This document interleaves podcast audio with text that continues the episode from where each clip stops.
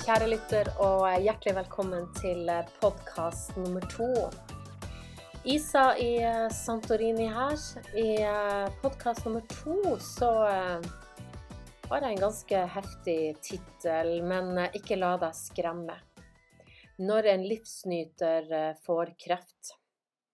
Nylig så gir jeg bort min bok nummer én, som heter 'Lek med livet'.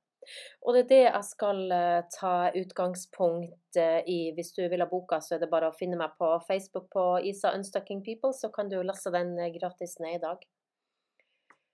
Boka heter 'Lek med livet, du slipper ikke levende fra det likevel'. Og et av kapitlene i boka heter 'Når en livsnyter får kreft'. Men jeg skal tune meg inn på et høyere nivå. Vi skal tune oss inn på energier. Vi skal tune oss inn på hvordan vi alle kan skape et fantastisk liv uavhengig av eh, situasjonen som vi er i. Og for å forstå hvordan vi kan gjøre det her, så er det fantastisk å kunne bli inspirert av andre mennesker. Og det er det jeg ønsker å gjøre. Det at jeg fikk eh, diagnosen kreft, var bare noe som kom til meg. Du har din historie og dine utfordringer som er like viktig for deg. Og det er viktig at vi alle er oss sjøl nærmest, og vi alle har et ansvar for vårt eget liv. Og vi har også muligheten til å leve et amazing liv, og det er det jeg aller mest ønsker å inspirere til. Men noen ganger så trenger vi å få noen perspektiver på det, sånn at det er lettere å forstå hvordan vi kan leve det her fantastiske livet. La oss eh, starte med å tune oss litt inn på lykke. Wayne Dyer, en av mine helter, sier vi har bare én livsoppgave, og det er å være lykkelig, og jeg er ganske så enig. Vi har en del oppgaver vi skal utføre, men hvis vi ikke kan være lykkelige, lykkelig når vi utfører dem, så har vi et problem med henne. Og lykke er så mangt. Jeg snakker ikke primært om den her uhu, fantastiske vinn i lottolykken. Nei, jeg snakker om det gjennomsnittlige lykkenivået.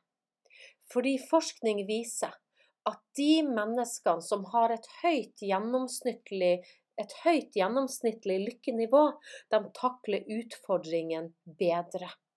Og de som har et lavt gjennomsnittlig lykkenivå, de takler utfordringer dårlige, dårlig. Så når utfordringer kommer, så blir man gjerne liggende i kjelleren, går på veggen og alt det her. Da jeg fikk kreftdiagnosen, så dro jeg på jobb dagen etterpå, og mange syntes det var eh, veldig merkelig. Jeg laga i tillegg en stor flopp, eh, en eh, humorkanal som heter Syk humor. Og en del trodde nok jeg var steinhakk tullete, og det kan man kanskje si at jeg er. Men grunnen til at jeg gjorde det, var fordi at jeg hadde så høyt gjennomsnittlig lykkenivå. Så hvis du ser for deg en skala fra 1 til 10 i forhold til gjennomsnittlig lykke, så var jeg nok en nier-tier. Sånn at når jeg fikk kreftdiagnosen, så var jeg så lykkelig med livet mitt at det gikk ikke lang tid før jeg tenkte OK, hvordan skal jeg løse det her? Hvordan løser jeg det her på best mulig måte? Og vet du hvordan jeg løste det, kjære deg? Jo, i form av humor. I form av å bruke galgenhumor. Den mørkeste, svarteste humoren du kan tenke deg. Jeg laga så mye galskap at det provoserte en del mennesker. Og jeg skjønner det selvfølgelig fordi vi alle har på en eller annen måte en tilknytning til kreft. Enten så har man en kreftdiagnose sjøl, eller så kjenner man noen som har en kreftdiagnose, eller så har man sterke meninger i forhold til kreft. Og hvor kommer de sterke meningene ifra? Jo, det er fra vår gamle story. Det vil si den storyen vi har lært opp til å tro på. Våre tanker. Vi består av 60 000 tanker, og ca. 95% tror jeg det er gamle tanker. Så det er ikke så mye rom for nye tanker, og nettopp derfor blir noen provosert når jeg flirer av kreften, når jeg viser humoristiske kreftvideoer. Og når jeg tuller med kreften, og når jeg bruker galgenhumoren til å bekjempe kreften. Jeg la også ned boksehanskene, så det å si bekjempe er på en måte noen flere lag som jeg skal dykke inn i eh, seinere. Få se om vi rekker det på denne podkasten, eller om det blir seinere. Men det å finne litt av den krigen, men samtidig leve i kjærlighet.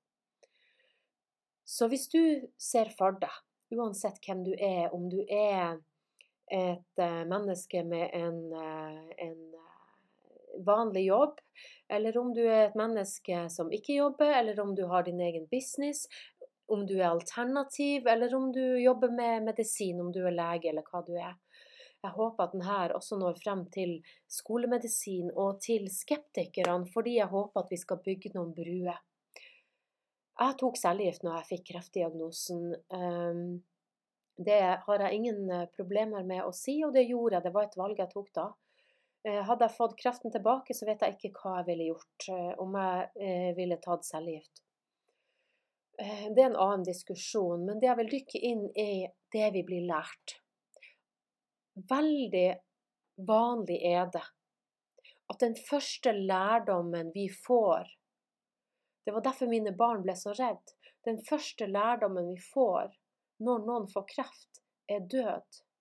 Det er frykt, det er forferdelse, det er tanken om at vi kommer til å dø av det her. Og den tanken, kjære deg, jeg er trebarnsmor og har tatt noen tøffe, tøffe valg eh, i forhold til å leve med det her, og jeg må stå for det. Men det er fordi at jeg har min sannhet i det her. Jeg har det jeg tror på, uavhengig av hva andre mener. Jeg vil bare nå ut med det budskapet. Om du er skeptisk eller ikke, det spiller ingen rolle. Fordi jeg tror at vi får det vi skal ha. Vi blir eksponert for det vi trenger til enhver tid. Hvis vi bare åpner opp. Så når vi er barn og ungdom og voksne går rundt med tanker som at hvis vi får kreft, så dør vi. Det er noe som heter at det vi tror på, om du tror at du kommer til å klare det eller ikke, så har du rett. Og det vi hører mange nok ganger, begynner vi til slutt å tro på. Så hvis vi mange nok ganger hører at kreft er dødelig, ja, så tror vi selvfølgelig på det. Og veldig mange dør av kreft, så vi har en bekreftelse der. Litt dobbel betydning, eh, psyko nok. Og vi kan si det at ja, kreftsvulstene angriper kroppen vår. Men samtidig, hva skjer inni kroppen vår når vi får en kreftdiagnose? Jo, stress, uro, frykt, stygge tanker. Og det er for meg energier som romsterer inni kroppen. Det fins masse, masse historier i eh, blogg, i bøker, av mennesker som faktisk eh, har fått dødsdommen og lever veldig godt i dag, eller levde veldig lenge. Et eksempel er boka 'Kreft og terrenget ditt', som var faktisk òg en uh, forsker, mener en hjerneforsker som fikk kreftdiagnosen og levde nesten 20 år. Så har vi boka 'Radical Remission', plutselig, uforklar, plutselig uforklarlig frisk. Den er nå oversatt til norsk.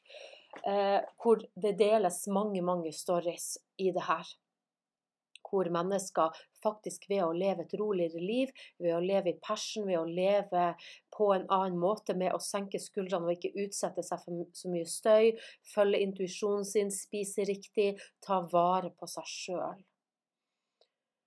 Og det er det jeg har valgt å leve etter. Eh, og eh, jeg har fått en del pepper med å gå ut med det. Og tidligere så ble jeg veldig, veldig lei meg. Jeg har grått veldig mye av stygge kommentarer, men jeg gjør ikke det lenger. Jeg tenker at når det kommer stygge kommentarer, og når, blir, eh, når det blir personangrep, og når folk eh, deler mine liver og mine ting og skriver veldig stygge ting, så tenker jeg Wow, hvordan skal vi bekjempe mobbing? Hvordan skal vi lære ungene våre til å være gode hjertemennesker når voksne tillater seg å være så usaklige og stygge? Så eh, gjerne skriv kommentarer og alt det her, men vær saklig i hvert fall. Vær hyggelig, sånn at eh, dine barn kan lese hva du har skrevet, og uten å tenke 'wow, er det her faktisk min mor eller far'? Så det var en liten oppfordring til de som ønsker å kommentere. Eh, når det er sagt, så, eh, så, vil jeg snakke litt mer om det med humor. fordi der er det også forska på det med humor. Hvor mye det har å si, det å faktisk le. Og mange mener jo at vi lever lengre. Eh, og vi har flere samfunn som faktisk lever gode liv. Og det er noe av årsaken til at jeg bor i Hellas. At selv om Hellas har hatt det tøft, så er det livsnytere som bor i Hellas. De er så fantastiske. Hvis du går på en restaurant, så kan du snakke snakke med dem som er der. Trenger du noe hjelp, så er de der for å støtte deg uansett. Og det jeg oppdager når jeg hadde det som mørkest, når eh, cellegiften tok tak og det var veldig tøft å kjenne på det her at jeg hadde fått diagnosen uhelbredelig kreft, så, eh, så eh, var det humoren som berga meg, det å kunne flire av kreftdiagnosen. Og jeg husker spesielt en episode når jeg akkurat hadde fjerna alt håret. Og jeg var i Oslo med ei venninne, Synnøve. Fantastisk dame. Og var nesten enda tøffere enn meg i sjargongen. Og vi sto der og skulle komme inn på Egon, og det var ikke mulig å få et bord. Og jeg sto der med sånne krefthua på hodet, og vi sto i kø, og så var det ikke hun eh, Hun prøvde å få, få kontakt med de som, eh, som eh, var der og skulle vise til bord. Eh, så bare tok jeg av meg hua. Tenkte jeg vet du, jeg tar kreftkort. Jeg tok av meg hua, og så sier Synnøve at eh, du, vær så snill. Og så pekte hun på meg liksom, litt sånn, nikka til meg, og så sier hun kan ikke vi få et bord? Vi er ute på et siste måltid. Og det å si ute på et siste måltid Jeg bruker å si det av og til når jeg holder foredrag, og folk de, de, har de kaffe, så, så jeg håper at ikke du hadde kaffe og fikk den i halsen. Men det er noe med det, det å tørre å flire av denne galskapen. Fordi ja, jeg vet det at det er mange som dør av kreft, men jeg tror også at det er mulig å løse. Jeg tror kreftgåten er løst. Så eh, jeg har nå lyst til å lese litt. Det jeg gjorde når jeg fikk kreft, det var å reise til eh, Tallinn og ta vare på meg sjøl. Jeg sier alltid 'pay yourself first', pyff deg sjøl. Når en livsnyter får kreft, jeg drikker min rødvin klokka halv fire en helt vanlig tirsdag en novemberdag i Tallinn. Ja, jeg har nylig lest ei bok som sier at ett glass vin om dagen er sunt. Jeg stoler på det. Venter på mat, sitter her med min blanke skalle og tenker piss off cancer. Kreften har yppa med feil dame. Kelneren kommer med maten og sier på gebrokkent engelsk enjoy your meal. Det gjør jeg. Ikke bare maten, men nyte alt. Det iskalde vannet fullt av isbiter. Den vakre bygninga som er utafor vinduet. Det faktum at jeg lever. At jeg sitter her og nyter livet. Leker med livet. Du må ikke leke med livet, sies det. For noe tull. Lek med livet. Med ett blir jeg oppmerksom på musikken som strømmer ut. En rar versjon av Heal the World. I sakte, veldig sakte versjon synger ei ukjent kvinne Make it a better place for you and for me. Lenger borte sitter to menn, den ene med iPad og den andre med telefon. Ching-ching, surfe, klikke, snakker ikke med hverandre. Verden er online. Verden er der inne i skjermen. Helt oppslukt sitter de der, som om det er der det skjer. Er det virkelig sånn verden er blitt? Jeg får lyst til å gråte her jeg sitter. Klump i halsen. Tårer som vil presse seg frem. Det passer ikke. Gråten trekker seg tilbake. Jeg senker skuldrene og bare er. Sjelero, kaller jeg det. Når du kjenner at du er ett med verden. Har du følt det før?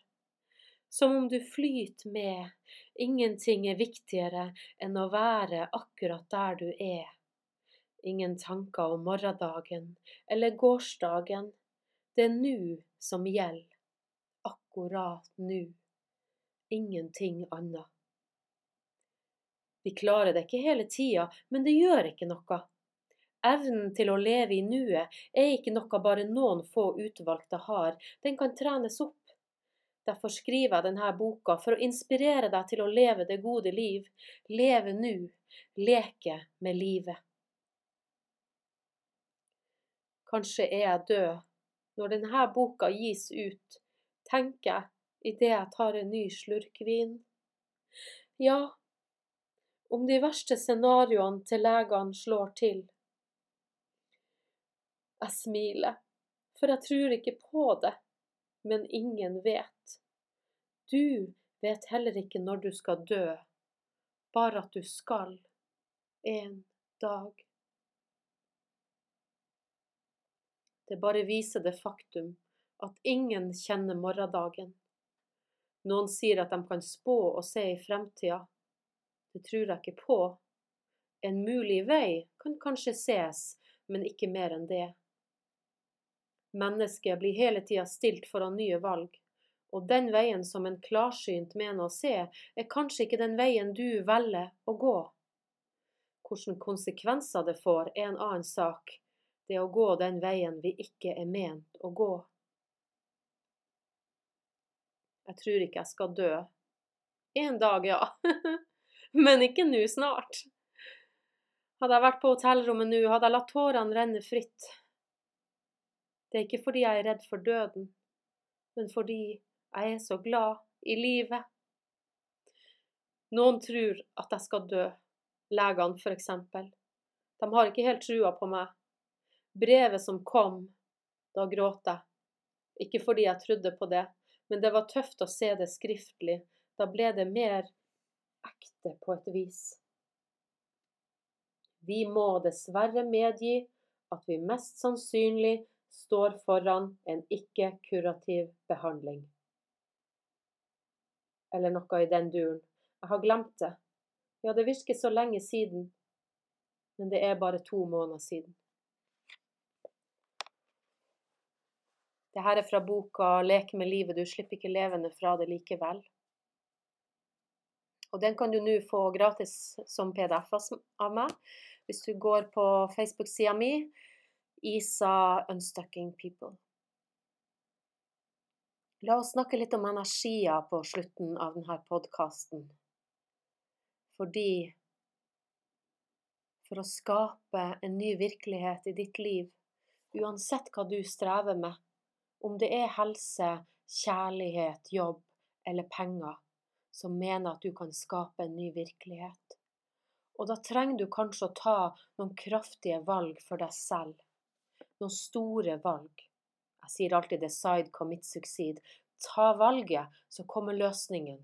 Bestem deg, ta valget, forplikte deg til å gjøre whatever it takes, det som trengs. Så vil du også få suksess, kjære deg når du gjør det her, og tuner deg inn på de rette energiene, og bestemmer deg, for hvert sekund så har du mulighet til å ta et nytt valg for deg sjøl. Og heve deg opp og åpne opp for de nye energiene, og stå i din egen kraft og stå opp for deg sjøl. Fordi du er ei stjerne. Alle sammen er ei stjerne. Du er ei stjerne på jorda når du velger å se hva er meninga med det her livet du skal leve. Fordi uansett hvor lenge du lever, velg livet hver dag. Vel å leve. Vel å leke med livet og ha det gøy. Vel å nyte livet.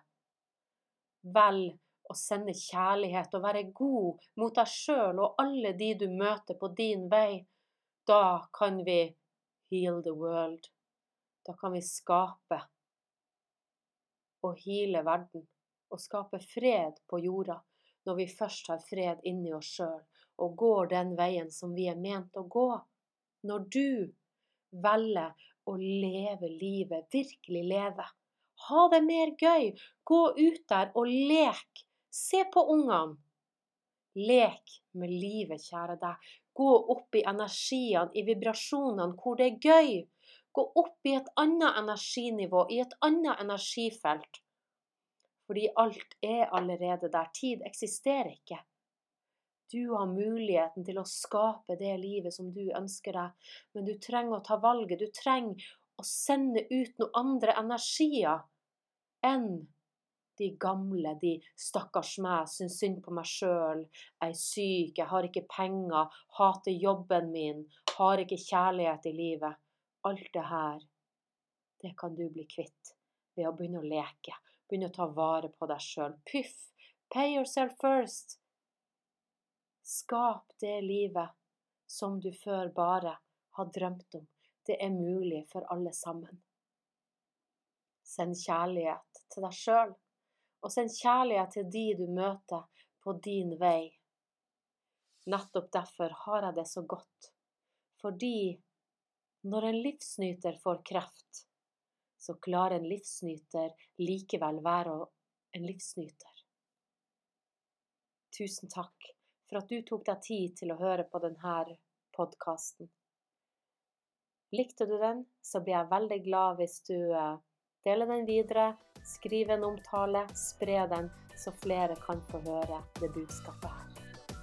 Nyt dagen. Lek med livet.